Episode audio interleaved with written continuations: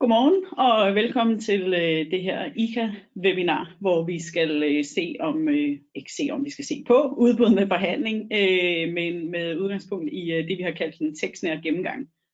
Øh, og jeg er personligt glad for at se, at det ikke har afskrækket øh, alle fra det deltag. Øh, men det, der er, øh, det er for det, der er tanken med, øh, med dagens øh, webinar, det er, at vi tager udgangspunkt i nogle af de øh, dokumenter øh, og nogle af de måske tekstafsnit, man typisk vil bruge i et udbud med forhandling, og så får en snak om, hvad er det egentlig, øh, der ligger bag øh, det, vi skriver, hvordan er det, man kan overveje at formulere sig, og hvad er der sådan, øh, i det hele taget overvejelser at gøre sig i, øh, i forbindelse med et udbud med forhandling. Og vi i dag, det er min gode kollega Sebastian Greve, som sidder som øh, advokatformægtig advokat lige om lidt, øh, forhåbentlig, i, her i Horten, sammen med mig. Jeg hedder Anne-Louise Dalgaard Petersen, og jeg sidder som, øh, som advokat øh, og partner her i Horten. Øhm, jeg tænker egentlig, at vi kaster os ud i det, fordi vi har jo et, øh, et øh, semi, øh, semi-stramt program øh, i forhold til øh, at kunne, øh, kunne nå at komme igennem øh, det, vi gerne vil her den næste øh, times tid. I er som altid meget velkomne til at stille spørgsmål. Jeg øh, forsøger sådan at have øh, et øje på de spørgsmål, der kommer ind, og så tager vi dem øh, undervejs, og ellers så samler vi op til sidst, eller bagefter, hvis, vi ikke, øh, hvis tiden ikke er til. Yes. Det vi har øh, sat på programmet, det er sådan et, øh, et forsøg på at tage jer igennem øh, et udbud med forhandling, sådan øh, lidt kronologisk har jeg lyst til at sige, i hvert fald øh, til dels kronologisk i forhold til, til de emner, vi, øh, vi typisk øh, ser. Men, øh, men for det første, eller til at starte med, så kunne det måske give mening at øh, bare lige sætte et på ord på, hvorfor vi egentlig synes, det, giver, at det er relevant at tale om øh, det her med udbud med forhandling, og dykke lidt ned i den her mere tekstnære øh, gennemgang, eller i hvert fald dykke ned i de der måske lidt mere formelle krav, der gælder for et, øh, for et udbud med, med forhandling. Øhm, og det er jo for det første øh, klagenævnets øh, seneste praksis, hvor øh, jeg, jeg tror, man, man må sige, at klagenævnet er blevet, øh, jeg har ikke lyst til at sige, at klagenødene er rigide og formelle, men, men lige her øh, synes jeg faktisk, de er vendt lidt tilbage til, til tidligere tider, øh, fordi de, øh, de går meget tæt på det, der står i både udbudsloven og i bilagene til udbudsdirektivet i forhold til, hvad det for oplysninger, man som ordregiver skal give i henholdsvis udbudsbekendtgørelsen og i, i udbudsbetingelserne. Øh, og det er selvfølgelig en ting, at klagenødene så vil sige, at det er en overtrædelse af, af udbudsreglerne, hvis, hvis man ikke har, har skrevet det, man nu skal. Men, men det, der er lidt værd at bemærke, det er også, at klagenødene i sin, sin seneste praksis jo faktisk også tillægger det ret vidtgående konsekvenser, hvis man ikke har skrevet øh, det, man nu skal øh, i, i henhold til udbudsloven og, og udbudsbekendtgørelsen, så er konsekvensen en annulation af tillægsbeslutningen.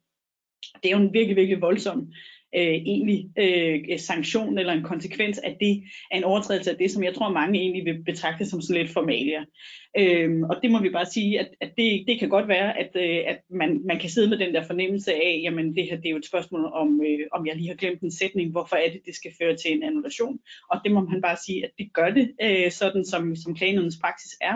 Så, øh, så det kan vi lige så godt lære udenad og øve os på og, øh, og huske alt det, vi nu skal huske, også i et udbud med forhandling. Fordi ellers så er risikoen øh, for, at der, der kommer en sanktion, den er bare øh, meget, meget høj. Ja, altså, altså man kan sige, at den anden side af det er jo, at når man skriver sine udbudsdokumenter, så er man jo i, i vid udstrækning med til at forme sin egen proces. Ikke? Og, og der har vi jo også set mange eksempler på, at, at man skal vægte sine ord med omhu, når man skriver, altså når man definerer sit forhandlingsforløb, eller definerer forhandlingsrummet, eller i virkeligheden beskriver sin proces. Ikke? Så udover at der er noget pædagogik i det, så er det jo også med til at definere, hvad for nogle rammer man selv har som ordregiver. Præcis. Og det er jo i virkeligheden det smukke ved udbud med forhandling. I hvert fald noget af det smukke er jo, at, at man jo i vidt omfang i virkeligheden kan tilrettelægge sin egen proces ud fra, hvad det er, man gerne vil have ud af det. Øhm, og derfor er der også, som Sebastian siger, der er også noget øh, pædagogik i at øve sig lidt på, hvordan vi skriver tingene, både for at få vores tilbudsgiver med, og også sådan set klagenødene, hvis vi skulle stå der til sidst. Og så er der selvfølgelig også noget, øh, noget strategi og noget bevisbyrde. Øh, når, I hvert fald for de af jer, der sidder her som, øh, som ordregiver, så er det jer i virkeligheden, der kan styre øh, fortællingen før, under og efter et udbud med forhandling. Og det er jo, øh, synes jeg, en ret unik øh, og meget stærk position at være i, og derfor kan vi også lige så godt øh, udnytte den.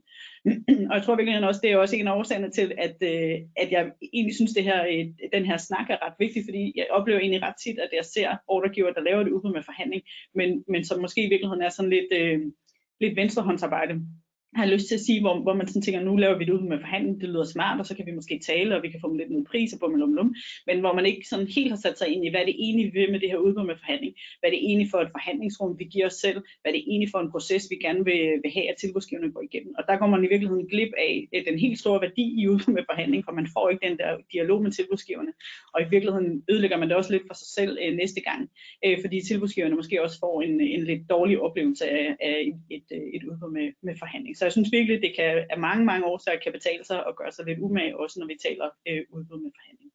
Det er jo i virkeligheden det er jo den slags ud, altså den udbudsprocedure, hvor man skal være mest opmærksom på ikke at genbruge ja. sin, sin, sit procesdokument, øh, ikke? fordi man kan sige begrænset udbud og offentlige udbud, de er jo sådan ret skematiseret i virkeligheden for, hvordan skrider vi frem, og hvad skal vi bruge, og hvad skal der stå i udbudsbetingelserne. Men når man har et udbud med forhandling, eller når man påtænker at gå i gang med et udbud med forhandling, så er der nogle andre overvejelser, som, som skal sættes i gang. Og der er det altså en god idé at gå ind og, og så se på, hvad er det, vi egentlig kunne tænke os at opnå, som, som Louise siger. Lige præcis. Så med det afsæt og øh, alle de, øh, de gode øh, hensigter, så kommer vi til at kaste os øh, ind i øh, det, vi sådan har opdelt tematisk, i hvert fald i forhold til i, i tre, kan man sige. For det første, så kigger vi lidt på, hvad er det for oplysninger, der skal fremgå af, af udbudsbekendtgørelsen. Og dernæst så går vi ned i selve udbudsbetingelserne, som nok er der, hvor der i virkeligheden er mest stof, og hvor det også øh, bliver øh, lidt svært øh, mange gange i virkeligheden, i forhold til, hvordan er det egentlig, vi får beskrevet, hvad det er, vi gerne vil forhandle om, altså det Sebastian kalder forhandlingsrummet, hvordan er det, vi får, øh, vi får sat, øh, sat hegnspælene op for det, så både vi og tilbudsgiverne er klar over, hvad det er egentlig, vi kan forhandle om, og hvad er det, der kan komme ud af den her forhandling. Så skal vi tale lidt om øh, shortlisting, og så skal vi tale om noget, som vi internt har drøftet øh, rigtig meget, så jeg kan godt sige det her med muligheden for at gå tilbage til et indledende tilbud, efter at man har i gang sat øh, forhandlingerne. Det er noget af det, der bliver diskuteret ikke bare her på kontoret, ved jeg, men også hos vores øh, gode kollegaer. Så, øh, så det, er, øh, det, er, det er sådan lidt et, et emne, som, øh, som i hvert fald på den juridiske banehalvdel kan være lidt svært. Øhm, og så skal vi selvfølgelig også tale lidt om øh, de dokumenter, der ligger til grund for selve forhandlingen, det vil sige dagsordenen, der er også noget omkring referatet, og til sidst kommer vi til at runde underretningen, hvor der også i udbudsloven er nogle krav til, hvordan vi får, øh, får afsluttet, kan man sige, et, øh, et udbud med forhandling. Så det er nogenlunde øh, processen og, øh, og emnerne, kan man sige, for, øh, for den næste øh, times tid øh, vi, vi har taget den her med, og den er lidt, tror jeg i virkeligheden formentlig ikke, man kan se, hvis man sidder derude. men, øh, men det er egentlig bare for at illustrere det her øh, med et udbud med forhandling, og det øh, tidsforløbet, og det kan jo siges egentlig ret kort, at man gennemfører øh, sådan set en prækvalifikation, og der er krav om, at man prækvalificerer de her mindst tre prækvalificerer man flere end fem, så skal det begrundes. Det er også et af de der krav, der måske er lidt øh, relevant at skrive sig bag øret. Det vil sige, hvis man går i et udbud med forhandling, man vælger, har et ønske om at prækvalificere flere end fem, så skal man give en begrundelse for, for det. Og det vil begrundelsen jo, vil jo være øh, typisk, at vi har brug for flere end fem for at sikre en kon- øh, konkurrence. Det kan for eksempel være, hvis det er rammeaftaler, hvis der er, øh, kan man sige, flere øh, delaftaler med, med delvist overlappende øh, leverandørfelt. Øh, I de scenarier kunne det, kunne det sagtens være hensigtsmæssigt øh, eller nødvendigt, at vi får prækvalificeret hedder det, øh, flere end, øh, end de her fem. Men processen er altså, at vi laver en prækvalifikation, vi prækvalificerer det antal, vi nu har valgt, og så indkalder man så til de indledende tilbud. Og det er så der vejene skilles, som er det, vi har, vi har forsøgt at illustrere her, hvor man jo enten, hvis man har forbeholdt sig den mulighed, kan slå til på det indledende tilbud. Gør man det, så går man i virkeligheden videre i en, en normal, har jeg lyst til at sige, evaluerings- og tildelingsproces.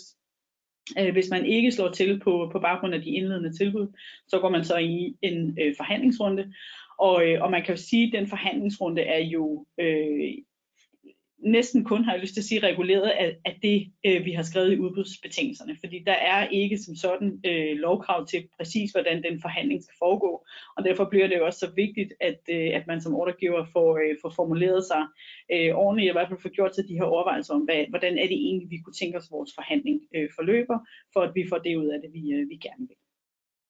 Har du nogensinde prækvalificeret mere end fem? Det har jeg faktisk. Ja. ja. I, øh, I et scenarie faktisk, hvor vi lige præcis havde nogle, øh, der var nogle rammeaftaler, og der var nogle forskellige delaftaler, og vi var, havde brug for, for tre på, på hver rammeaftale, og derfor havde vi øh, altså en rammeaftale med, med flere leverandører, mm. vi havde brug ja. for, for tre, og derfor gav det ikke rigtig mening for os kun at prækvalificere tre. Nej. Det giver mening. Jeg, jeg har nemlig aldrig prøvet det før. Altså, jeg, jeg plejer gerne at holde mig til de tre, og synes egentlig, det, det giver sådan en ret fin proces. Yes. Så, øh, så altså, det er jo en af de første overvejelser, man i virkeligheden skal gøre sig. Ikke? Altså, hvor mange har vi lyst og behov for at skulle forhandle med. Ja, enig. Øhm, og, det er, og det er jeg helt enig i. Jeg vil sige, på de almindelige kontrakter, hvor jeg bare skal bruge en i sidste ende, hvor jeg vil sige, der vil jeg øh, aldrig prækvalificere flere end tre. Øh, det vil jeg faktisk ikke, fordi vi skal også have dem ind og øh, have dem med til at lægge nogle kræfter i, øh, i forhandlings, øh, hvad hedder det, fasen. Og det er klart, hvis de ved, at de er i konkurrence med, øh, med fire eller fem eller seks for den sags skyld, så, øh, så går jeg ud fra sådan rent, øh, hvad hedder sådan noget, øh, kynisk kalkyle, så bliver deres incitament til at lægge, øh, lægge kræfter i den her forhandlingsrunde, den, den tror jeg daler.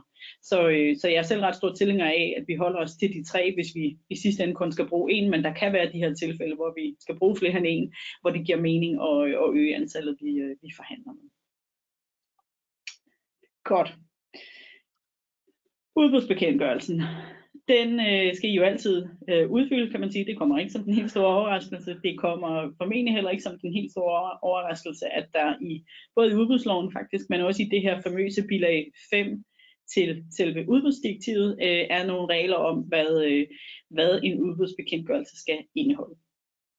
Øhm, og ja, og i øvrigt også alle de mulige andre meddelelser, ikke? Også altså, alle mulige andre meddelelser. Men det altså, det er jo, det er jo nogle, det er jo, altså, i virkeligheden et bilag, som har fået ret meget opmærksomhed sådan de sidste, i hvert fald års tid, ikke? Ja. Øhm, så jeg, jeg, synes, det begynder sådan at fylde i bevidstheden, i hvert fald hos dem, jeg taler med, men, men ikke desto mindre er det mega vigtigt, fordi det er simpelthen en af de værste fejl, man kan lave, ikke? Det er at glemme at skrive noget, som man ville have skrevet, eller som man hvert fald hvis man vidste, det havde, ville have skrevet. Ikke? Mm. Øhm, så det er sådan en helt en, en formalitet i virkeligheden, som kan have, have ret store konsekvenser for et udbud. Ja, men altså fordi der sidder der som ordregiver, som endnu ikke har stiftet bekendtskab med det her bilag, øh, bilag 5, øh, til, øh, til udbudsdirektivet, så øh, er det gode råd simpelthen at gå ind og få det printet ud og have det liggende ved siden af, når I, når I udfylder øh, udbudsbekendtgørelsen. Der, der er egentlig ikke så meget andet at, at, at sige om det. Øh, det. Det bilag, det indeholder kravene til, hvad det en udbudsbekendtgørelse skal, øh, skal indeholde. Og jeg vil også sige, at I skal også være ops fordi den har vi også haft et par gange, at der er nogle af de her elektroniske platforme, som øh, giver enten ikke beder jer om at udfylde øh, lige præcis øh, det her punkt som et obligatorisk punkt, eller som giver jer mulighed for bare at henvise til udbudsbetingelser.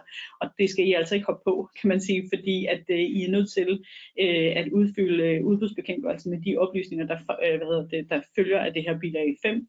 Øhm, øh, Øh, og det, altså uanset hvad, øh, kan man sige, der øh, den her udbyder af, af den elektroniske platform, eller jeres udbudsplatform i øvrigt, øh, giver mulighed for, eller, eller siger til jer. Så det skal I være rigtig, rigtig ops på. Ja, det er jo faktisk en, en virkelig kedelig ting, ikke? At, at der ikke er den der integration mellem tæt og, og de der ja. skemaer, kan man sige, man bruger ja. der, og så reglerne, fordi man, på den måde bliver man ikke hjulpet, hvis ikke man, øh, man kender bilag 5. Øh, så, så, så der bliver man nødt til at have den liggende ved siden af, som, som Anne-Louise siger. Yes. Men udover alt det, I øvrigt skal, skal huske at udfylde med jeres øh, udbudsbekendtgørelse, så det, der er fremhævet i udbudslovens øh, paragraf 42, som findes i det her afsnit, der handler om, øh, om forhandling, øh, der fremhæver man de her tre punkter, som man øh, også skal huske, når vi, øh, når vi laver et udbud med forhandling. Og for det første, så skal vi forholde os til, om ordregiver vil øh, forbeholde sig at tildele kontrakten på grundlag af det indledende øh, tilbud. Altså det var det, som i vores illustration betyder, at så går man, den, går man direkte, var jeg ved at sige, direkte til en tildeling. Øh, det skal I, øh, hvad hedder det, krydse af i, øh, i den, øh, den udbudsbekendtgørelse for selvfølgelig at tydeliggøre over for tilbudsgiverne. Kan de risikere i virkeligheden, at deres første tilbud bliver deres endelige tilbud? Og øh, jeg kan sige sådan for egen regning, at øh, jeg tror stort set altid, at vi øh, i de udbud, jeg gennemfører, der forbeholder vi os ret til at tildele på, på grundlag af det indledende tilbud. Øh, det er jo øh, i mange tilfælde, kan man sige, omkostningsfrit. Øh, det er jo en ret, det er ikke en pligt, vi har. Øh, og det er øh, mange gange i hvert fald også et signal til tilbudsgiverne om, at vi forventer, at de leverer et, et seriøst og et godt øh, første tilbud. Det er den eneste gang, hvor jeg ikke øh, gør det, eller i hvert fald hvor jeg nøje overvejer det, det er, hvis jeg har valgt den her øh, øh, dør, kan man sige, ind til udbud med forhandling, som, øh, som er øh, i, i, øh, hvad hedder det, udbudslovens paragraf 61, øh, hvad hedder det, litra C, den her mulighed om, for at man kan gå i udbud med forhandling, hvis øh, man har brug for at forhandle de tekniske eller juridiske detaljer, kan man sige, omkring kontrakten. Øhm, og hvis jeg ligesom har, har hængt øh, min, øh, mit udbud med forhandling op på den hjemmel til at gå i udbud med forhandling, så, øh, så vil jeg øh, som regel i virkeligheden øh, ikke forbeholde mig at tildele øh, på baggrund af det indledende tilbud, fordi der er sådan et eller andet, der ikke helt, i hvert fald i min øh, optik, giver mening, hvis jeg har sagt, at jeg er nødt til at gå i udbud med forhandling, fordi jeg kan simpelthen ikke låse de her kontraktvilkår uden at forhandle med tilbudsgiverne. Så giver det ikke helt mening, at jeg samtidig forbeholder mig at slå til på det indledende bud. Altså der er sådan et eller andet, øh, i hvert fald for mig, hvor, hvor kæden øh, hopper en lille smule af. Så, så der vil jeg i virkeligheden typisk øh, undlade det her. Men ellers så er den, øh, den praktiske hovedregel, i hvert fald her hos os, at vi altid forbeholder os at tildele på grund af det indledende tilbud. Det kunne være, at vi skulle vende tilbage til den senere. Det var egentlig lidt interessant sådan, i forhold til det der forhandlingsbilag, som vi kommer ind til. Ja. Det kunne måske være, at man kunne tale lidt om det. Det kunne man Ja. sagtens.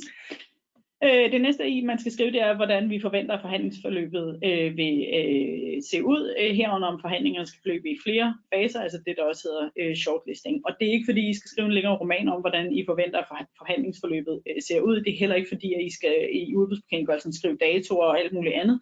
Øh, det er simpelthen øh, en helt kort øh, notits om, at man forventer at indlede forhandlinger med, med tilbudsgiverne. Bum, bum, bum. Øh, I skal beskrive, om I øh, anvender shortlisting, og hvis I ikke gør, så vil vi bare skrive det, at vi får, der anvendes ikke shortlisting. Det står direkte i forarbejderne til udbudsloven, at man som ordregiver godt kan ændre forhandlingsforløbet undervejs. Øh, så, så på den måde skal I ikke være så bange for, at I får låst jer til noget i udbudsbekendtgørelsen, som I ikke længere kan, eller ikke senere hen kan, kan opfylde. Og I vil også se, når I kommer til, til vores bud på, hvordan man kan formulere sig, at vi i, i virkeligheden for, forsøger at holde alle døre åbne og siger, at vi har en forventning om, at forhandlingsforløbet ser sådan her ud. Vi, det kan godt være, at det ser ud på en anden måde, og i så fald så underretter vi. at Det er sådan dybest set mekanikken i, i det, for ikke at blive låst i, øh, i nogle rammer, som, som ikke er relevante. Og det sidste, man, øh, man skal overveje, og det sidste, man skal skrive i, øh, i udbudsbekendtgørelsen, det er, om man yder vederlag til, til deltagerne i, øh, i forhandlingerne. Og det er jo en ret vigtig overvejelse. Hvad er det, vi inviterer ind til? Øh, hvad er det, vi forventer af tilbudsgiverne? Øh, og det tror jeg egentlig for mange øh, ordregiver er lidt et religionsspørgsmål, eller noget, der minder om i hvert fald det her med, om man synes, man skal vederlægge tilbudsgiverne. Øh, og så på den måde er, er, jeg ved ikke rigtig, om vi kan sige så meget generelt om det. Jeg vil selv sige, at jeg har engang med udfordret nogle ordregiver lidt, lidt på deres holdning, fordi de øh, måske i udgangspunktet har haft den grundtanke, at tilbudsgiverne skal ikke vederlægges. Hvor jeg godt nogle gange også kan synes, at det måske også er et, et lidt svært signal at sende til nogle tilbudsgiver, i hvert fald hvis vi inviterer dem ind i nogle ret komplekse forhandlinger. Øh, der synes jeg måske også, at det er lidt øh, en ubalance, så ikke også vil vederlægge. Øh, og derfor har jeg selv i nogle sammenhæng, øh, hvad hedder det, har vi givet vederlaget, og så har vi egentlig også øh, skrevet meget ærligt i vores udbudsbetingelser, vi ved godt, at det vederlag, det dækker ikke deres tilbudsomkostninger. Øh, men vi vil gerne give vederlaget i erkendelse af, at vi inviterer dem ind og, øh, og forventer, at de, øh, de byder ind i et forhandlingsrum. Og det, øh, det synes jeg egentlig er blevet meget vel modtaget. Jeg tror også, at tilbudsgiverne ved godt, at de får ikke en til en kompensation for de kræfter, de ligger i en tilbudsafgivelse. Og det, det lever de nok også med, øh, bortset fra på, på brancheforeningsniveau. men, øh, men, men jeg tror mere, at den der erkendelse af øh, fra ordregivers side, at vi ved godt, der bliver lagt mange kræfter i det her, og vi vil godt give jer øh, et plaster på såret, eller i hvert fald en, sådan, vi vil godt give jer noget anerkendelse for, at det er det, I gør. Det tror jeg egentlig kan bære kan bære også et stykke i øh, vej i, i, de her, i de her processer. Ja, jeg synes altså også, det virker enormt godt. Så jeg, vi bruger det typisk også i forhold til for eksempel lang til priser, hvor at, at det hold, man inviterer til forhandling, måske ikke bare er, er tilbudsgiver selv, men der også er nogle underleverandører, der skal med ind. Og der tror jeg bare, det, det, det giver ro i maven ikke, i sådan en tilbudsgivende organisation, at der er altså lidt at tage af i forhold til både projektering og alle de der ting, Yes. som man skal lave. Ikke? Ja. Øhm, så jeg synes også, det virker enormt godt at gøre. Altså, det er klart, at man skal jo ikke bare gøre det i, i alle sammenhænge, vel? Men, men når man stiller store krav til tilbudsgiverne, så synes jeg egentlig også, at det giver mening at gøre. Enig. Øh, og så har vi taget et udsnit med fra, fra det her famøse bilag, og det er ikke fordi, jeg vil gå ned i det, det men det er, altså, det er alt lige fra, at man skal identificere sig som ordregiver til, at man skal huske at skrive sine øh, egnethedskrav, øh, man skal huske at skrive dokumentationskravene på, øh, på, øh, på både egnethed og udelukkelse. I skal for guds skyld huske at skrive jeres udvælgelseskriterier også der. Øh, men, men det er egentlig bare for at sige, det, det er punktopstillet, så på den måde er det til at gå til i virkeligheden øh, som et bilag til, til udbudsdirektivet, og det tror jeg faktisk er det, vi vil, vi vil sige her. Ja, Altså hvis I nogle gange kan man godt støde på, øh, på problemer i forhold til, hvor mange tegn man må have med i sin Ja, plejer den, har at vi, den der dans har vi haft nogle gange, ikke, hvor Ja. ja. at man vil gerne have så meget med som muligt, fordi Ja. man ved også, hvor, altså, hvor rigidt det i virkeligheden kan være, hele det der system. Ikke? Men, øh, men der kan man godt blive udfordret på sin, på sin punkt øh, antal i bekendtgørelser. Men så er der heldigvis nogle felter, der hedder øvrige oplysninger, ja. og, sådan, og så må man være lidt kreativ øh, for at få det passet ind de og, rigtige og man kan sige, det er det gode ved det her bilag, det er ikke fordi, det står specificeret, det skal stå lige præcis der i udbudsbekendtgørelsen. Så bare det står der, det er i hvert fald mit eget rationale. Det, det er klart, der er nogle steder, hvor det passer mere naturligt ind, og vi skal heller ikke forvirre fjenden, men det vigtigste er, at det står der, og så er det helt rigtigt, som Sebastian siger nogle gange, så har vi måttet være rimelig kreative, fordi at, øh, at alt det, vi gerne vil have øh, i udbudsbekendtgørelsen, det er der faktisk ikke rigtig været plads til. Så må det blive de der afsluttende øh, afsnit, som så bliver fyldt ud med, med god tekst. Yes. Så går vi til, øh, til udbudsbetingelserne, og, øh, og det første vi kommer til, at, øh, kommer til, det første vi skal tale om, det er det her med, hvordan er det, man giver sig selv det forhandlingsrum, man gerne vil have.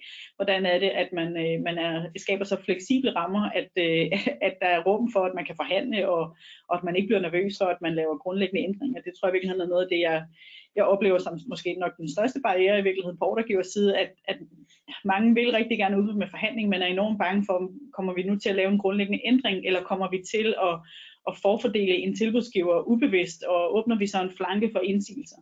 Øhm, og jeg tror i virkeligheden, at det, jeg håber i hvert fald, at rigtig mange ordregiver har fået skuldrene lidt ned i forhold til det her med udbud med forhandling, fordi det er ret få klager egentlig, vi har set over det, og jeg oplever også, at tilbudsgiverne egentlig også synes, at det er nogle ret gode processer, i hvert fald hvis de bliver kørt sådan øh, ordentligt, som i alle andre udbud. Hvis de føler, at, at de bliver behandlet ordentligt, så, øh, så er det ikke fordi, at, øh, at udbud med forhandling sådan er højrisikoudbud. udbud.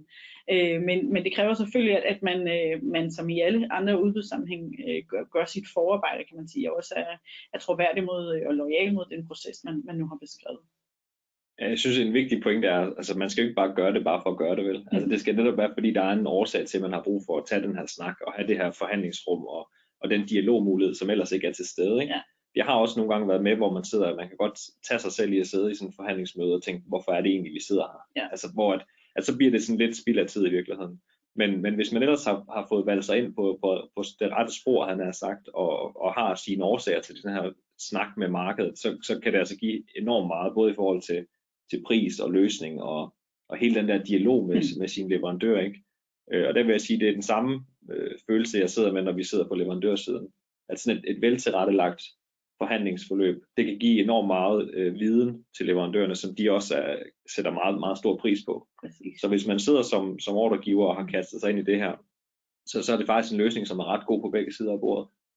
Og man kan sige, at udbud med forhandling bliver brugt sådan på de meget, meget, meget komplekse indkøb, og så på, på det, der ikke sådan er en, nødvendigvis en super komplekst. Ikke? Og, og det er jo den samme udbudsproces i virkeligheden, der skal fagne øh, hele skalaen af de her udbud. Og derfor vil det jo også, som Sebastian siger, det vigtigste er jo også at få skaleret dit udbud med forhandling. Det kan godt være, at I, du har et udbud med forhandling, hvor det vi egentlig gerne vil være sikre på, for eksempel, det er, at vi får tilbudsgiverne vi, gjort, øh, vi er sikre på, at vi får konditionsmæssige bud, vi er sikre på, at vi forstår deres løsning, vi er sikre på, at vi forstår deres prissætning. Det kan jo godt være i virkeligheden et ønske i et udbud med forhandling, og simpelthen at forstå, hvad er det, vi sidder med mellem hænderne, inden vi, trækker til, øh, inden vi træffer tildelingsbeslutning.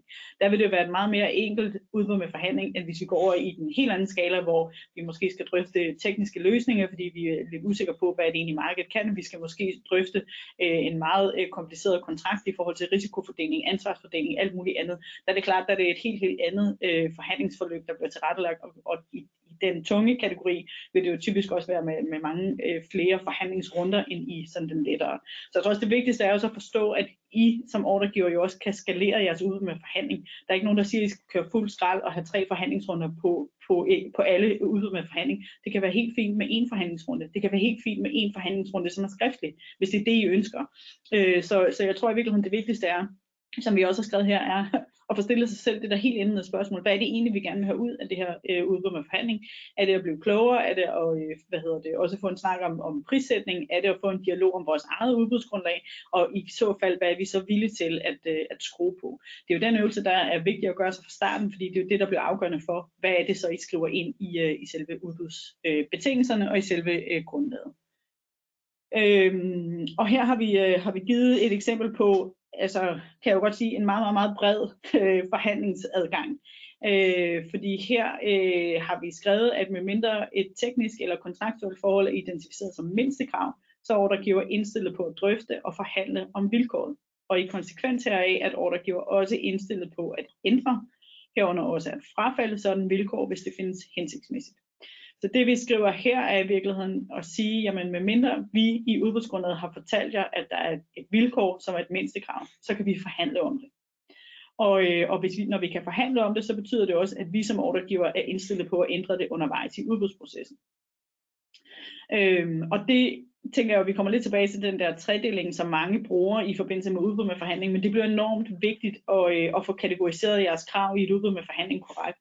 Øh, fordi det er klart, klart, at der er nogle, nogle vilkår og nogle krav, som vi er nødt til at låse, og det vil jo være tillingskriterierne, vil vi jo typisk låse i et udbud med forhandling. Mindste krav vil vi også låse, men så er der jo typisk en anden pulje af krav, og det kan være tekniske krav, det kan også være kontraktkrav, øh, som vi er indstillet på at forhandle om. Og man kan sige, at hvis vi er indstillet på at forhandle om dem, så skal vi også være indstillet på at ændre dem, for ellers giver det ikke rigtig mening.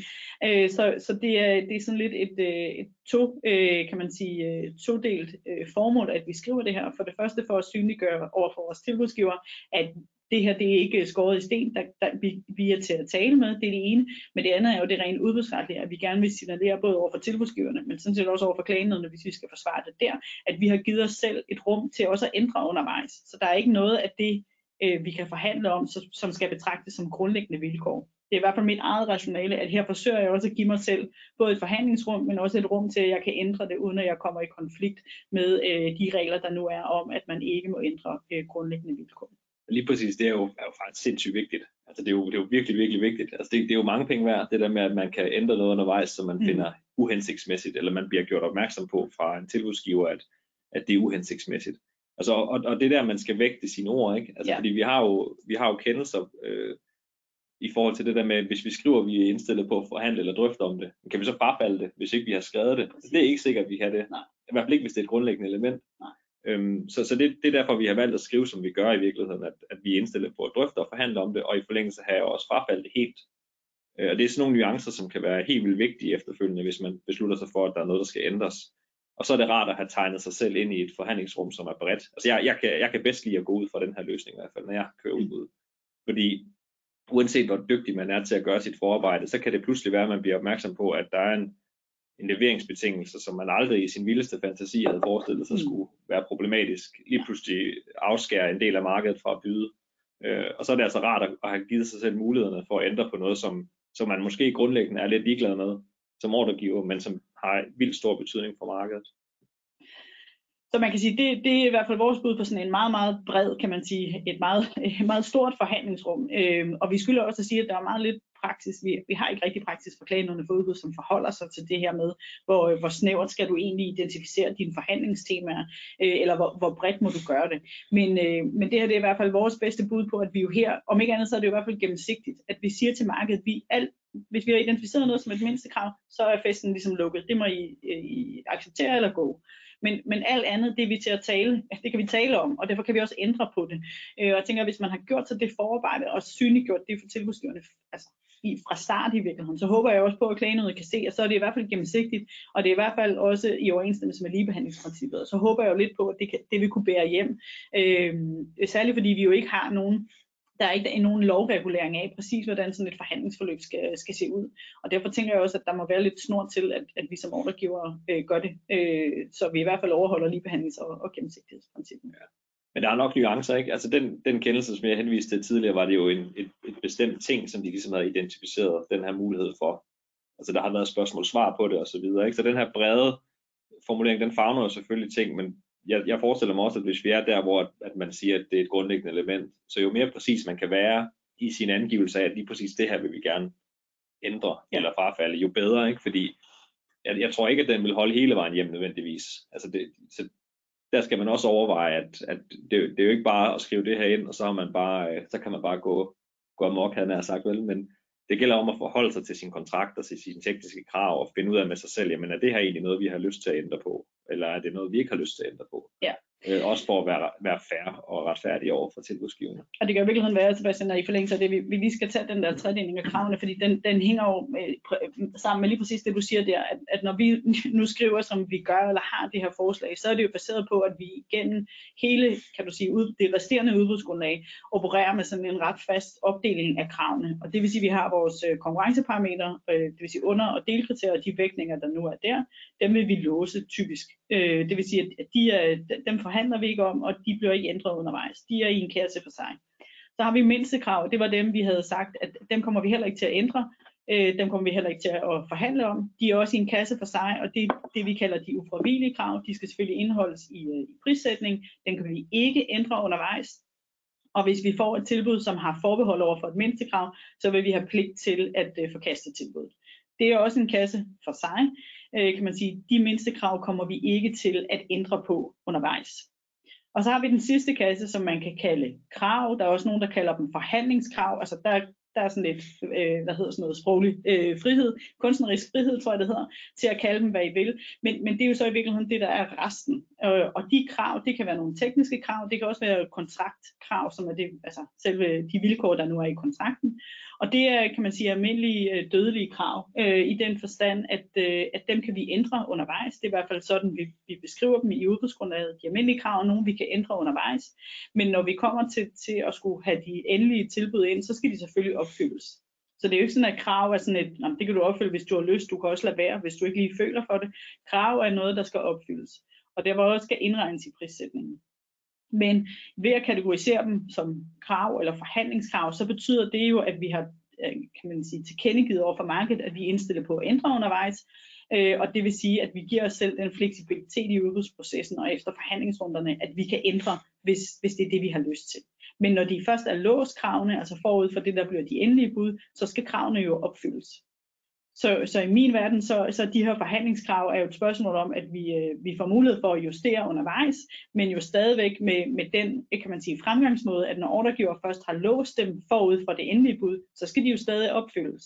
Og det vil sige, hvis vi har tilbud, som ikke opfylder de her krav, så må vi gå ind og vurdere, vil vi tage tilbuddet med, øh, og kan vi det, så skal vi jo i givet fald kunne prissætte de her afvielser ud for øh, den lærer, der nu er omkring forbehold. Så det, altså hele, hele den der konstruktion med det, med det brede forhandlingsrum, det er jo, øh, det er jo øh, fire-fem sætninger, kan man sige, som, som beskriver det brede forhandlingsrum, men det er jo knyttet op på et helt udbudsgrundlag, hvor, hvor I stringent er nødt til at have implementeret den her tredeling, øh, eller noget, der minder om i hvert fald i jeres, øh, i jeres udbudsgrundlag. Og den er jo så også baseret på i virkeligheden, at der er formentlig kun en lille grundkerne af ting, der er mindste krav, for ellers giver det ikke helt mening at, at have et udbud øh, med forhandling. Det var sådan øh, det, det første, vi ville skrive i virkeligheden i, øh, i, i udbudsbetingelserne omkring, øh, hvad hedder det, hvad er forhandlingsrummet, øh, og det kan man jo sige, det er jo et bud på, hvordan det kan gøres sådan ret bredt. Et alternativ er jo at skrive, at øh, vi forventer at forhandle om følgende emner, og så identificere de emner, man ønsker at forhandle om. Det er også helt legitimt. Det er sådan lidt en smagsag igen, øh, afhængig af, hvad det er for et udbud, hvad det er for nogle tilbudsgiver, hvad det er, man gerne vil, vil sådan, øh, kommunikere i, sin, øh, i sine udbudsbetingelser. Så, så der, øh, det kan man også fint gøre. Så er der det næste, som, øh, som vi er nødt til at forholde os til i, øh, i udbudsbetingelserne, og som jo også er noget af det, øh, man skal skrive i, i udbudsbekendtgørelsen, det er det her med, hvordan er det så, vi forventer, at, øh, at forhandlingsforløbet vil øh, forløbe øh, skulle gennemføres. Og her kan, I sige, øh, her kan I se, der har vi skrevet, at vi forbeholder os at gennemføre flere forhandlingsrunder, og øh, ordregiver forbeholder sig at forhandle skriftligt med tilbudsgiveren, det vil sige uden afholdelse af forhandlingsmøder. Altså det, det, det kan sige, det er ligesom rammerne for forhandling. Det er strukturen for det, og så det vi havde før var så det indholdsmæssige til selve forhandlingen. Og det her, det hænger jo øh, fuldstændig sammen med det, du siger om at skulle skalere sin proces. Ikke? Og, og den her formulering betyder jo i virkeligheden også, at man behøver ikke tage fuldstændig stilling til at skalere sin proces fra start af fordi man har muligheden for at få de indledende tilbud ind, og kigge på dem og se, jamen, hvad, hvad er der så behov for, at vi taler om på baggrund af det, og så tilpasse ud fra, ud fra, fra det, man har, har brug for. Øh, og som man Louise siger før, så er det ikke nødvendigt, at man skal gennemføre flere forskellige lange forhandlingsrunder. Det kan sagtens være, at der bare er behov for at køre en skriftlig forhandling, og så klappe til på baggrund af det i virkeligheden. Ikke? Altså, eller, eller i hvert fald få guidet tilbudsgiverne derhen, man gerne vil på baggrund af det. Øhm, så det, det er en enorm rar formulering at have i sit, udbudsgrundlag, fordi at så får man ikke låst sig fast på noget. Altså som, som vi snakkede om tidligere, så har man jo mulighed for at ændre forløbet undervejs. Og selvom I har skrevet noget i jeres udbudsbekendtgørelse, så har I den her frihed undervejs til at vurdere, jamen, hvordan får vi bedst styret det her udbud i mål. Hmm. Og så kommer den sidste sætning, som øh, vi også øh, altid har med, og som er helt enormt vigtig. Øhm, og det er, at vi skriver, at vi øh, som ordregiver vil indlede forhandlinger med alle tilbudsgiver, der har afgivet tilbud inden tilbudsfristens udløb. Øh, og det betyder, at det er ikke en betingelse for at øh, blive indkaldt til forhandlinger, at man har afgivet et konditionsmæssigt tilbud. Og det er selvfølgelig valgfrit. Det er også helt fair at skrive, at du skal afgive et konditionsmæssigt indledende tilbud, ellers så kommer du ikke med til forhandlingerne. Det, altså, det er helt, det er der sådan set, det er der ikke noget juridisk i vejen for at skrive. Men, øh, men vi vil altid selv anvende den her formulering, hvor vi siger, vi skal have modtaget et tilbud, om det er konditionsmæssigt, om du har taget forbehold, om du har forbehold over for mindstekrav, det er sådan set ligegyldigt. Du kommer stadigvæk med til forhandlingsrunden. Fordi det er jo typisk også et af de formål, vi har med at gå i udbud med forhandling, at vi skal have gjort tilbudene konditionsmæssige og øh, få tilbudsgiverne til at forstå, hvad er det egentlig, vi, vi beder, beder dem om at levere i, øh, i tilbudsfasen. Øh, så jeg er selv øh, rigtig, rigtig stor tilhænger af, at vi, øh, vi skriver den her øh, passus ind om, at vi, øh, vi vil forhandle med alle, der har afgivet bud vi har jo alle sammen prøvet det der med at få et knaldgodt tilbud ind, yes. ikke? og så er der et eller andet åndssvagt forbehold, hvor man bliver nødt til at skulle øh, tage en svær sådan, juridisk beslutning. Ikke? Og der er det her en, en god sådan, sikkerhedsventil i hvert fald for at sige, at vi kan holde folk i spil, øh, og, og på den måde sådan, få uddaget de der underlige forbehold, der nogle gange kommer, om de er tilsigtet eller ej, så har vi mulighed for at holde processen kørende. Ikke? Og man kan sige, at grunden til, at vi skriver det, er fordi der er sådan lidt retlig usikkerhed i forhold til, hvad må vi egentlig? Må vi godt øh, begynde at forhandle med en tilbudsgiver, der har taget et forbehold over for et mindstekrav? Og det øh, kan der skrives bøger om øh, spørgsmålet om vi må. Der er en, en gammel EU-dom, hvor, øh, hvor EU-domstolen siger, at det må man ikke. Så har vi forarbejderne til udbudsloven, som, øh, hvor Konkurrence- og Forbrugerstyrelsen skriver, at det må I godt. Øhm, og, øh, og der er ikke rigtig noget dansk praksis, som sådan for alvor afklarer spørgsmålet. Og derfor har vi valgt den linje, at nu skriver vi det, så vi har øh, toner øh, rent flag, kan man sige. Og der er i hvert fald ikke tvivl om, øh, hvad er betingelserne for deltagelse. Igen ud fra rationalet om, at ja, der er en retlig usikkerhed, men det bedste vi kan gøre i den, det er at være gennemsigtige og at sikre ligebehandling, og så håbe på, at, øh, at klagenævnet viser sig øh, pragmatisk, øh, hvis, øh, hvis, man, øh, hvis man når til, til en sag. Så, øh, så det, det tror jeg i virkeligheden er det bedste råd, man kan give der.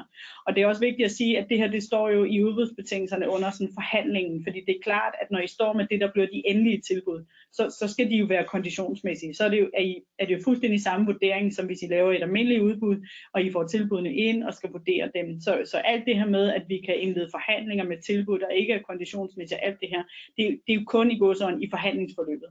Når vi har afsluttet forhandlingsforløbet og står med det, der bliver de endelige bud, så gælder de almindelige regler, kan man sige, igen, og så skal man igen til at forholde sig til, øh, hvad øh, at tilbudene konditionsmæssigt indeholder de forbehold, som gør, at tilbuddet ikke kan blive taget i betragtning, øh, osv. Jeg vil altså også våge den påstand, at, at den der formulering gør ikke, at man får dårligere indledende tilbud. Altså jeg tror ikke, at, at tilbudsgiverne mm. vælger at sætte forbehold ind, fordi man har skrevet det der. Nej. Og man der, altså man, jeg tror ikke, man giver køb på muligheden for at slå til på, på gode tilbud, ved man har den her formulering inde. Øhm, så så jeg, jeg, jeg, jeg føler lidt, at den er gratis et eller andet sted. Ja, præcis. Yes.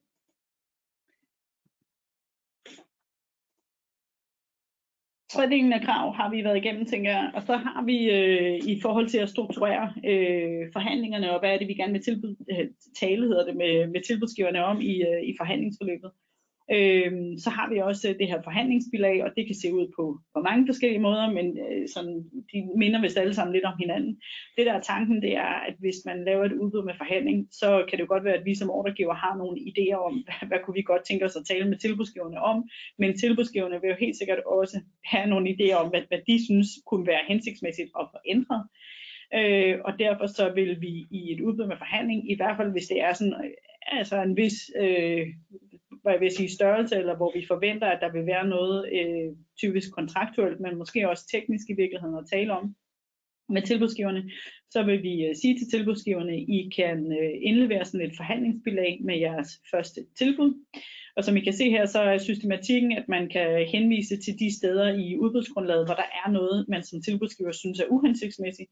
Og så beder vi øh, typisk også tilbudsgiverne om at øh, forklare os lidt om, hvad er det, der er galt. Er det fordi, de ikke forstår hvad vi har skrevet? Er det fordi, at øh, den, øh, det krav, vi har stillet, gør, at de i virkeligheden er nødt til at overveje, om de overhovedet må afgive bud, at det er bid critical eller kritisk for afgivelse af et tilbud? Er det en cost driver? Altså har vi, har vi indlagt et krav, som gør, at øh, de nu er nødt til at give os en højere pris? Eller er det sådan en almindelig uhensigtsmæssighed, øh, som, øh, som de godt kunne tænke sig at få ændret, men uden at der nødvendigvis er noget økonomi forbundet med det? Øh, og så beder vi dem i virkeligheden om at, at gøre os klogere på, hvad er deres, hvad er deres bekymringer. Øh, og lige præcis det her med, om I kalder det de her fire kategorier eller noget andet, det står jeg fuldstændig frit for. Men jeg tror, hvis man anvender det her forhandlingsbilag, så er min erfaring i hvert fald, at så er vi også nødt til at gå tilbudsgiverne på klingen og få dem til at fortælle os, hvad er det, det her handler om. Er det fordi, du synes, at det er en dum formulering? Er det fordi, at der er penge i det? Eller er det fordi, at du i forhold til dit bagland typisk ikke kan få lov til at afgive bud, hvis vi fastholder vilkåret? Fordi det er tre, tre meget forskellige typer af indsigelser.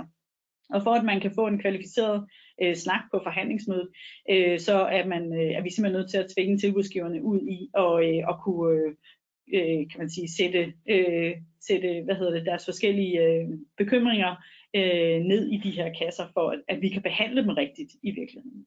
Og det her, det vil jo være et bilag, som de vil indlevere sammen med sit, sit tilbud, kan man sige. Ikke? Og, og det man nogle gange kan støde på, det er, at de ikke får beskrevet problemstillingen helt godt nok, til man kan forstå det.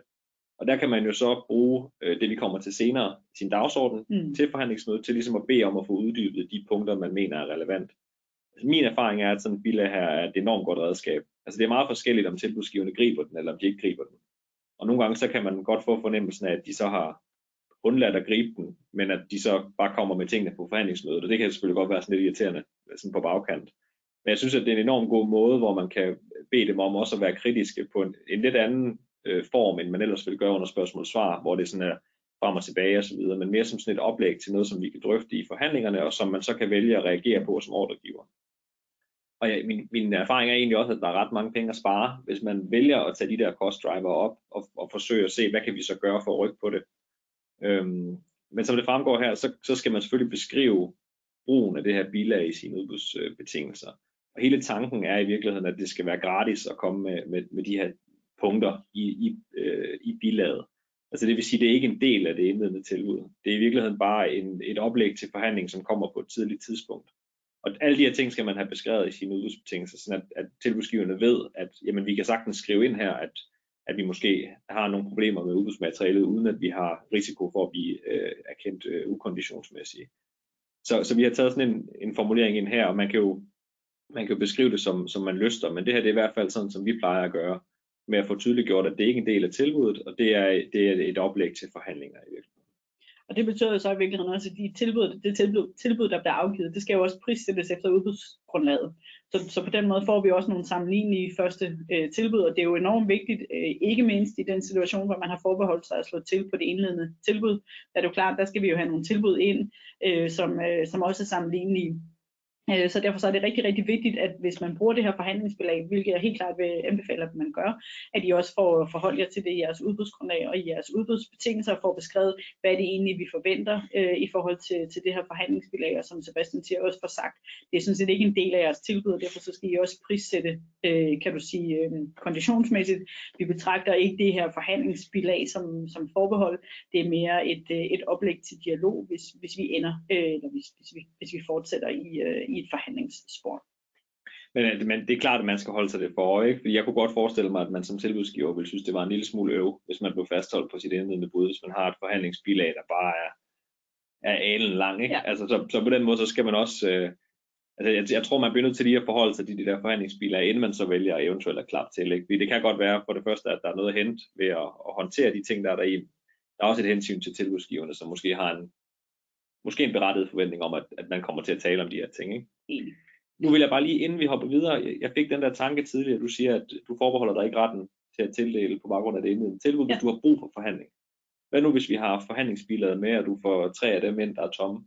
Ja kunne man så tænke sig, at man stadigvæk kunne have forbeholdt sig den ret? Men det kunne man jo sagtens. Det kan jo godt være, at det viser sig, at, øh, at, det, at jeg tror, at jeg har brug for forhandling. Ja. At det synes markedet faktisk ikke, fordi jeg har ramt den lige i skabet ja. med, med det, jeg har skrevet. Øh, og det ved jeg jo i virkeligheden ikke. Øh, og det kan jo også være, at det i den situation kan klares. Øh, det kan også være, der er en, der spørger om, hvorfor kunne man ikke klare noget af det her med en markedsdialog. Og det er jo rigtigt. Det er jo, det er jo kan du sige, på nogle punkter i hvert fald et, et alternativ til et udbud med forhandling, det er jo at overveje, okay, men kan jeg få afklaret den tvivl, jeg har i forhold til, hvordan mit udbudsgrundlag skal se ud, kan jeg få afklaret den i en markedsdialog? Og det synes jeg er jo en rigtig øh, og en god overvejelse at gøre sig, og det, øh, det kan man sikkert også. Jeg, jeg vil sige, og det står helt for egen regning, at jeg oplever tilbudsgiverne som ikke altid så engageret i markedsdialog. Sådan tror jeg, jeg vil sige det diplomatisk. At øh, der er sikkert nogle områder, og sikkert nogle tilbudsgiver, som er rigtig gode og dygtige og svarer på alle jeres spørgsmål. Jeg har bare en oplevelse af, at de er, de er lidt svære at trække til tråden nogle gange i markedsdialog, fordi der er ikke rigtig noget på spil, og derfor så, så siger de lidt ting, øh, som, som måske ikke altid helt passer, eller de har måske ikke helt spurgt de rigtige i egen organisation, hvis jeg nu skal være meget ærlig. Og så får vi sådan lidt svar i øst og vest. I hvert fald i nogen sammenhæng. Og der, øh, hvis, hvis de først sidder i et udbud med forhandling, hvor der er penge på spil, der er transaktionsomkostninger på spil, der er en organisation bagved, der investerer tid i det her, så, øh, så er det en, et, oplever jeg en, en mere seriøs øh, dialog, vi får der. Øh, men, men det er jo helt rigtigt, det er selvfølgelig altid en overvejelse, kan vi, kan vi komme lige så langt i virkeligheden med en markedsdialog? Og der er jo heller ikke noget vejen for at køre en markedsdialog først, og så hvis den viser sig, at vi kan simpelthen ikke blive kloge nok, at så kan det være, at man, man kan bruge en af indgangene til udbud med forhandling. Så, så det er jo rigtigt, at, at den overvejelse er man jo også nødt til at gøre, så kan vi i virkeligheden håndtere det her på en anden måde, end ved at kaste alle ud i, uh, i et udbud med forhandling. Ja, jeg tror særligt, hvis man har nogle meget afgrænsede problemstillinger. Altså Præcis. hvis der er nogle bestemte kontraktklausuler, man er i tvivl ja. om, ikke?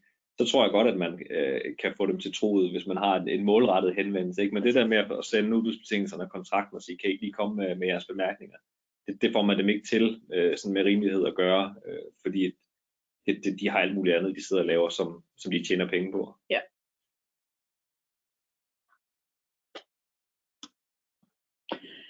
Godt. Så er det næste, vi skal, øh, vi skal tale om, det er øh, shortlisting. Og shortlisting, det er den her øh, faseopdel, kan man sige, forhandlingsproces i virkeligheden, hvor man øh, kommer, øh, tager et tilbud ind i en forhandlingsrunde, og så sorterer man nogen fra øh, undervejs i, øh, i forhandlingsperioden, øh, kan man sige, indtil man, øh, man så får endelige tilbud fra, fra dem, der er tilbage, eller dem, man ikke har sorteret fra.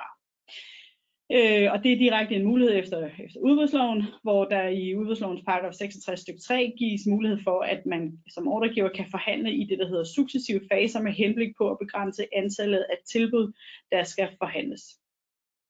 Øh, og som vi startede med, så øh, kræver det, øh, kan man sige, hvis man bruger shortlisting, kræver det, at man har beskrevet det allerede i øh, udbudsbekendtgørelsen, og selvfølgelig også i sine udbudsbetingelser har beskrevet, hvordan er det, vi gør det her. Øh, og det kan man sige, systematikken vil jo være, at vi, vi sorterer tilbud fra på baggrund af en evaluering af de tilbud, man får ind. Det vil sige, at man laver i virkeligheden en evaluering og skærer de dårligste tilbud fra. Øh, og Sebastian har prøvet at, øh, at illustrere det sådan, øh, på, øh, på den her måde i forhold til, hvordan er det så, det vil se ud.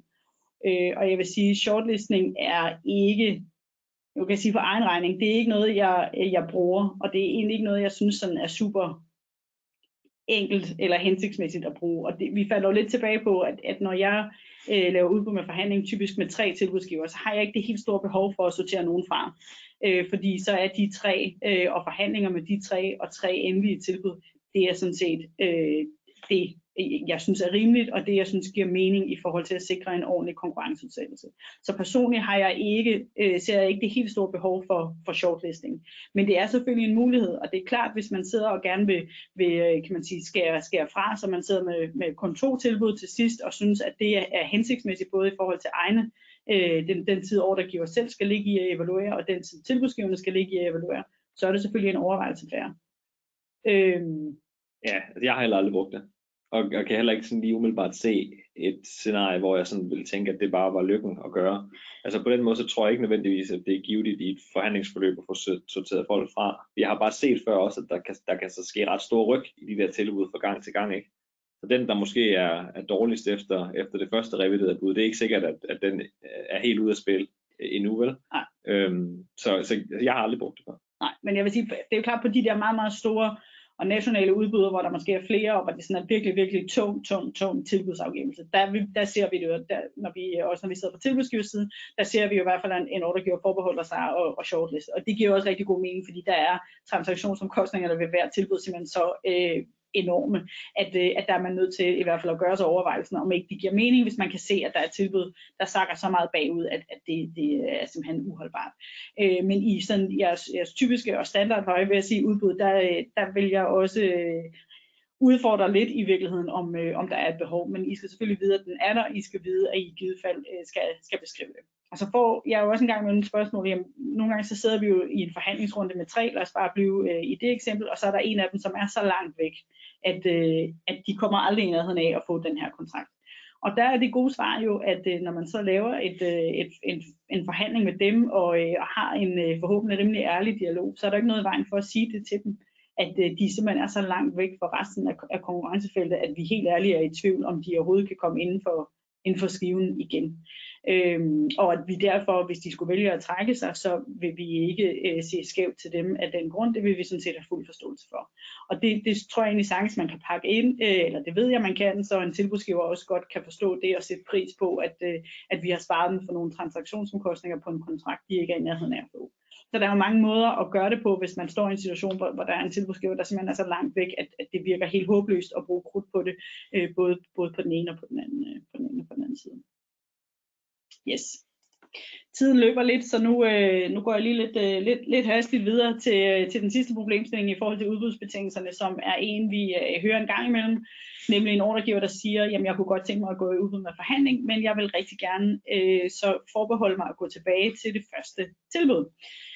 Altså typisk scenariet, hvor man får nogle, nogle tilbud ind, og der er nogle ret øh, skarpe priser, øh, måske på et tilbud, og så går vi i en forhandlingsrunde, og så, øh, så lige pludselig så, så kan vi se, at, at det bliver meget dyrere, eller tilbudsgiver opdager, at, øh, at de i virkeligheden har givet en alt for lav pris, eller der, der kan jo være mange spændende øh, ting, der går op for både tilbudsgiver og ordregiver i et forhandlingsforløb. Og der er der nogle ordregiver, der siger, jamen kan vi så ikke bare i, øh, i udbudsgrundlaget skrive, som vi har indsat et eksempel på her, altså at ordregiver forbeholder sig ret til at tildele kontrakten på grundlag af det indledende tilbud, både før og efter gennemførelsen af forhandlingsfasen.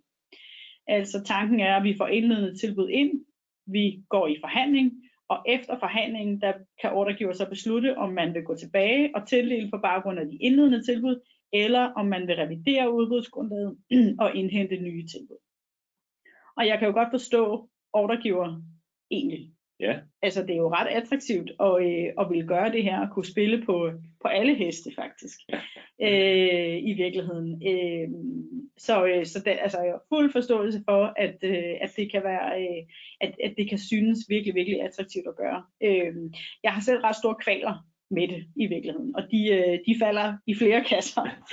øh, for det første synes jeg, at det er, øh, hvis jeg skal være helt ærlig, synes jeg, det er ret svinsk over for tilbudsgiveren. Jeg synes, det er lidt en uskik, at vi siger, at vi kan slå til på det indledende tilbud, men det venter vi lige med at se, om vi vil, indtil vi har forhandlet lidt med det og fundet ud af, hvordan der hvorledes det i virkeligheden øh, er. Ja, i virkeligheden også forhandlet med de andre, ikke? Og forhandlet med de andre, de og andre lige- på maven Ja, og lige se om... øh, fundet ud af, ja. er der nogen, der kan, kan noget bedre, og hvis ikke, så går vi tilbage til dit sådan lidt halvdårlige tilbud. Nu- Jeg ved godt, jeg fortegner det, men, men der er sådan et eller andet, sådan, som i, sådan, i mit eget øh, lille moralske kompas, det, øh, det står ikke helt lige øh, på mig. Men øh, det er det ene. Det andet, som øh, så er lidt mere relevant i den her sammenhæng, det er jo det juridiske. Øh, kan man det her? Øh, og øh, det, som vi har sagt, som jeg har sagt det på gangen, så er der jo meget, meget få, øh, eller meget sparsomme i hvert fald regulering af, hvad er det egentlig, vi må i et øh, forhandlingsforløb efter udbudslovens afsnit 2. Øh, og man kan sige, at det eneste, vi ved med sikkerhed, det er det, vi ikke må. Og det er det, der står i, øh, i udbudslovens paragraf 66, det er den nederste øh, bullet her, der står, det indledende tilbud skal danne grundlag for den efterfølgende forhandling. Der kan ikke forhandles om de endelige tilbud. Øh, og grundlæggende elementer med krav kriterier for tildeling. Det vil sige, at vi kan ikke forhandle om de endelige tilbud. Og, og det er lidt der, hvor kæden hopper af her for mig, fordi hvis man, hvis man får de indledende tilbud, og man ligesom forbeholder sig at slå til på dem, så går man i forhandling om, og det, det skal jo ske på grundlag af det indledende bud, og så går man så tilbage og slår til på det indledende bud, som så bliver det endelige bud. Så har man, sådan som jeg øh, kan, kan, kan se det, så har man i virkeligheden forhandlet om det endelige bud. Du har forhandlet om det, der ender med at blive det endelige bud. Og derfor har jeg ret svært ved at forene øh, den der praksis med, at man forbeholder sig at gå tilbage til det indledende bud. Har jeg lidt svært ved at se, at den kan forenes med, med den her øh, paragraf 66, må jeg sige. altså i virkeligheden er jo også, at når først man har sat sig ind og begyndt at, at snakke om tilbuddet, så kan man jo ikke, altså selvom man skriver ind i tilbuddet, alt det, der ikke var i forhandlingerne, det er ligesom ikke en del af det, Præcis. så har man jo været inde og taget drøftelserne. Ja. Så der ligger jo et eller andet, ikke? man har haft brug for at afklare et eller andet. Ikke? Så på den måde, så, så kommer man jo til at, at ændre nogle ting, eller i hvert fald lægge nogle forudsætninger ind, som ikke har været til stede i det skrevne tilbud. Ikke? Ja. Øhm, så, så det er ikke, øh, altså jeg har, jeg har aldrig, jeg har aldrig set det øh, ske i virkeligheden heller ikke. Øh, men, og jeg forestiller mig, at den vil blive, øh, det vil falde forkert ud, hvis den kom på klagenævnet. Det, det tænker jeg også, men, men vi, jeg får spørgsmålet virkelig, virkelig tit, og jeg forstår også godt hensynet, øh, men, øh, men, men altså både... Øh, af den ene og den anden årsag, så, så mener jeg faktisk ikke, det øh, det er, det er holdbart. Og så er der også øh, aftaleloven, og nu ved jeg godt, at tiden løber lidt hurtigt, men, men det, den kan man i virkeligheden også godt sige, at det, at man går i forhandling, øh, rent aftaleretligt skal sidestilles med, at du har givet et afslag. Og et afslag vil jo betyde, at øh, løftegiver, altså tilbudsgiver, er løst fra sit tilbud, og derfor ikke kan blive holdt fast på det.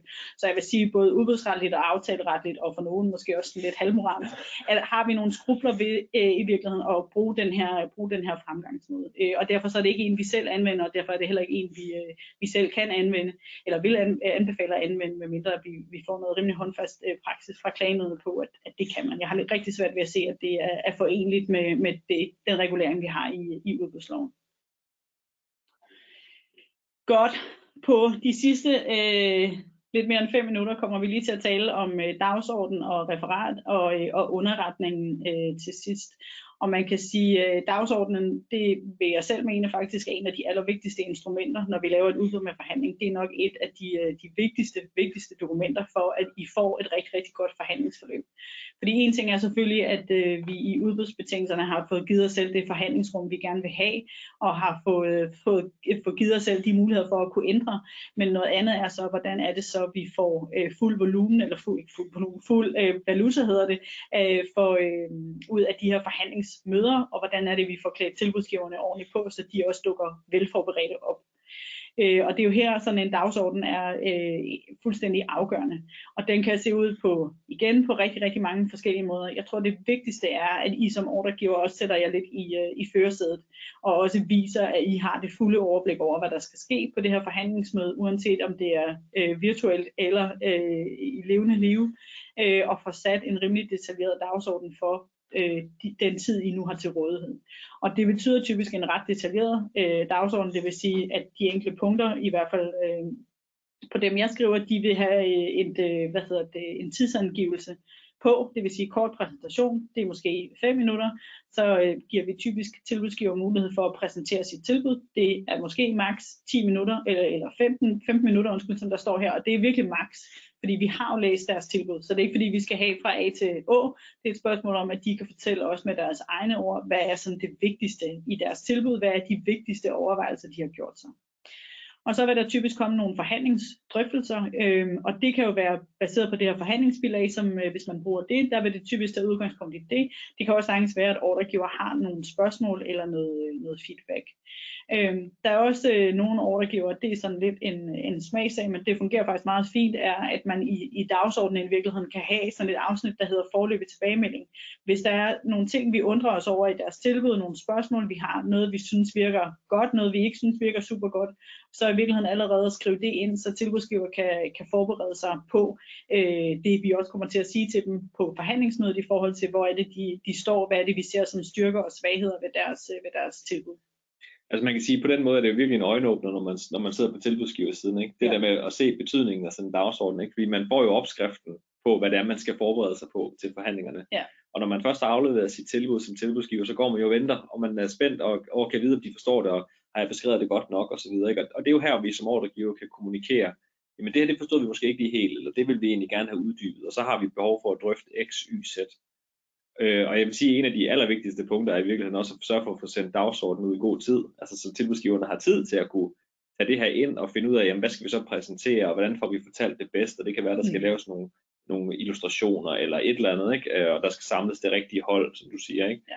Så selvom at man typisk i udbudssituationer har travlt, så synes jeg, at man skal gøre sig selv den tjeneste og, og give plads i udbudstidsplanen til, at man kan, kan gennemføre de her forhandlinger med så under god ro og orden i virkeligheden, og sende dagsordenen ud i god tid, og lade ordregiver læse tilbuddet, eller tilbudsgiver forholde sig til mm. dagsordenen osv., ikke? fordi det betyder virkelig, virkelig meget for tilbudsgivernes forberedelse.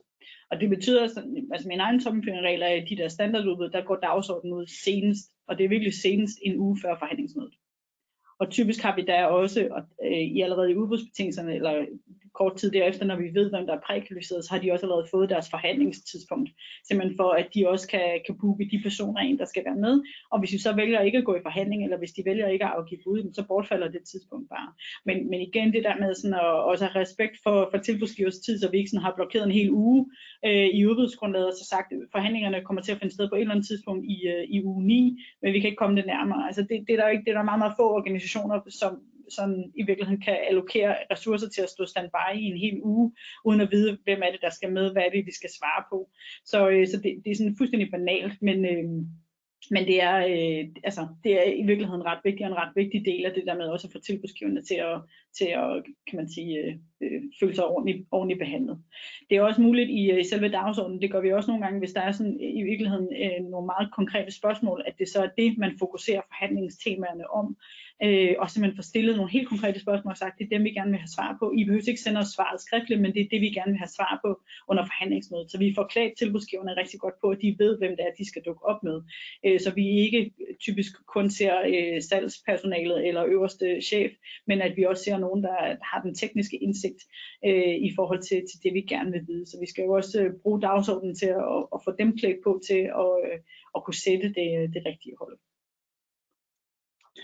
Og referatet kan man sige, det, øh, hvis man har lavet en god dagsorden, så er referatet jo nærmest øh, skrevet. Øh, og det er, øh, er faktisk sandt, vil jeg sige. Det er ikke bare, øh, det er ikke bare øh, noget, jeg, øh, noget, jeg siger, fordi referatet vil jo være en afspejling af det, der er drøftet.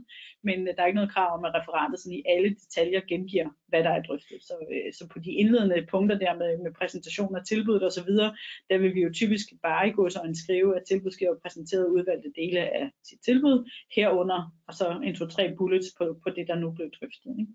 Øh, så referatet er ikke, fordi det en til en skal, skal sådan detaljeret gengive alle drøftelser, der har været på et forhandlingsmøde. Det er selvfølgelig vigtigt, at man får, øh, får taget noteret de emner, der er blevet drøftet, øh, sådan at man, øh, man også, hvis der er nogen, der kommer og, og spørger, kan, øh, kan se øh, eller kan, kan dokumentere, hvad er det egentlig, vi har, egentlig, vi har drøftet.